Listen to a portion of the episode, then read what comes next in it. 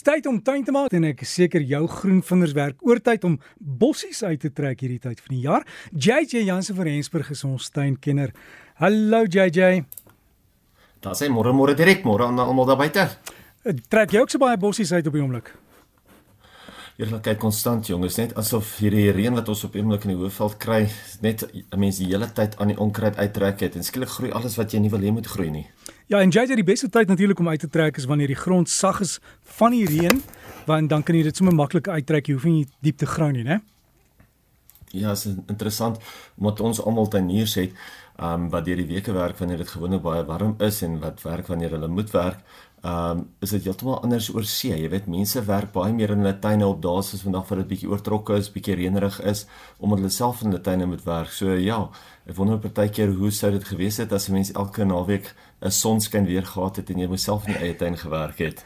Dit kan werk, jy jy ons gaan almal baie fix, fixer wees. Maar hoorie, jy het 'n hele lys daarvan dinge wat ons moet deurwerk.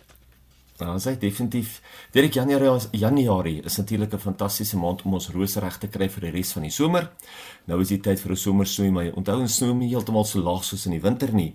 Jy kan jou rose nou ongeveer 'n derde terugsny, al die blare afval wat siek is, asook al die siek blare onder op die plant verwyder, op die grond verwyder. Moenie al die blare op die plant self verwyder nie. Verwyder nie, sorry, veral nie daai wat nie siek is nie, want die stamme kan natuurlik ook sonbrand opdoen. Die beste is dan om ehm um, die plant met 'n vingerstoder of so te behandel om miskien iets soos 'n microgard of so te spuit en dan te voer vir tonne nuwe blomme met iets soos 'n 185 of 'n flower power. Jy moet ook baie goed nat gooi en maak ook seker dat jy sommer 'n nuwe deklaag ook om die plante sit want ja, veral in die binneland dit reën op eintlik baie lekker, maar ons weet nie vir hoe lank gaan dit reën wanneer dit weer gaan warm word, wanneer die plante weer vinnig gaan uitdroog nie. So gooi sommer 'n lekker dik deklaag Jy kan 'n boombas, jy kan 'n deklaag gaan koop. Jy kan selfs gewone grassnysels gebruik as 'n deklaag, maar gooi net ietsie om my wortels lekker koel te hou en die vog terug te hou. Dit is ook nou lekker warm en al ons somerplante behoort nou vol in blom te wees. Nou as jy byvoorbeeld hibiscus het wat nou net groen blare stoot en nie regtig blomme nie, is dit raadsaam om iets om die plante nou so 20% terug te sny en dan weer eens met ietsie hoog in kalium te voer. Ek het nou net gepraat van die 185 Ons kan weer eens die 815 of 'n 315 of natuurlik die flower power gebruik. Dit behoort te lekker vinnig sterk te kry en ook baie mooi in blom te kry. So gaan kyk vir ietsie hoog in kalium soos byvoorbeeld die 815 315 of die flower power. Moenie nou tou opgooi nie. Ja, verspreide plekke is nou sopnat en het by verre meer reën gekry as wat ons al gewoond is, maar ons is nou genoodsaak om te doen wat nodig is. Iemand het vir my foto's gestuur van hulle steengeboude plantbakke wat versuip en wou weet of hulle die grond en die plante moet vervang. Nee, dis nog te vroeg vir daai besluit. Ander het weer gevra oor vetplante. Moet ons na die vetplantbeddings weer, weer omskakel na gewone plantbeddings wat meer water wil wil hê of weer maat, meer water kan hanteer en weer eens nee nog nie.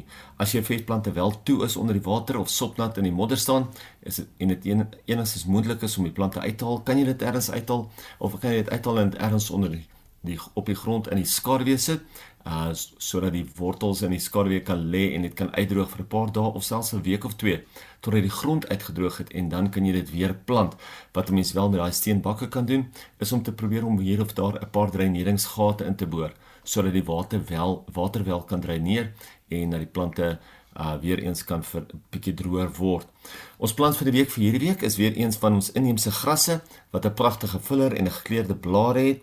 Dit is 'n Anthurium sondersia, maar natuurlik die Starlight variëteit. Nou die gras groei so om en by 50 cm hoog. Hy vorm wit sterblommetjies. Die blomme stoot op na so 75 cm. Die plant self is net 50 cm, maar hy groei so 25 cm wyd. Hy's lekker gehard, hy's waterwys, hy's inheems en hy's immergroen. Tensy die winters baie koud is, dan sal hy 'n bietjie van sy blare verloor, maar dan sal hy weer van die basis af uitgroei.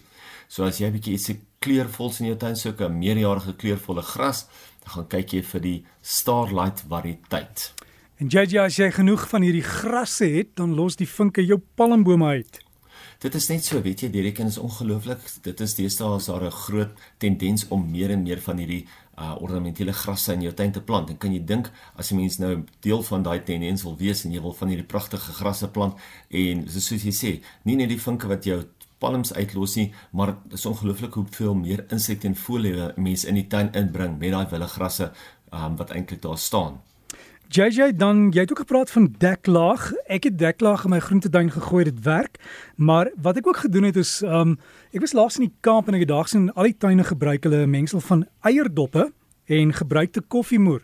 So ek het so bak nou by die huis waar ek die ou eierdoppe ingooi, koffiemoer en sodra dit droog is dan breek ek dit fyn, meng dit en gooi dit tussen die plante. En weet jy, die slakke loop nie oor dit nie en die wurms loop nie oor dit nie. Ja, is interessant. Dan kyk jou eierdoppe gaan nie net daai tipe insekte wegjaag nie of weghou nie, maar dit bring ook baie kalsium in die grond yep. in. So in, in plaas van beenmeel eierdoppe pres, doen presies dieselfde as wat beenmeel in die tuin sou gedoen het. Maar mens moet pas op as jy koffiemoer baie effens trek, dan kan hy baie suur wees. So ja. hy kan 'n baie suur alkalisiese of suur pH hê. So ehm um, as dit goed getrekte koffiemoer is, fantasties. Dis eintlik 'n baie goeie bemesting ook weer eens. Kyk JJ, my koffiemoer is goed getrek. Ek druk die laaste bietjie daai uit, hoor. Mooi man. goeie goeie moer vir jou tuin, JJ net so. Met die eierdop, ek weet daar's um Margaret Roberts het altyd vir die mense aanbeveel om die eierdoppe te gebruik.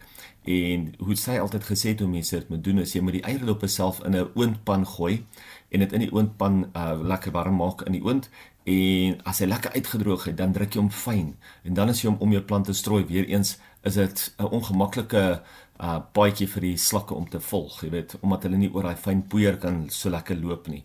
En ek dink dit is ook hoekom jy 10 teen die begin het om dit te doen. Ja, JJ, ja, ons sal regkom, jy weet dis maar 'n groeiproses, maar dankie vir al die raad en onthou JJ plaas vir ons die fotos van die plant van die week vandag, die grasse op die breakfast Facebook bladsy en ook die inligting wat hy met ons gedeel het. Alles is daar, gaan loer en lekker tuin maak.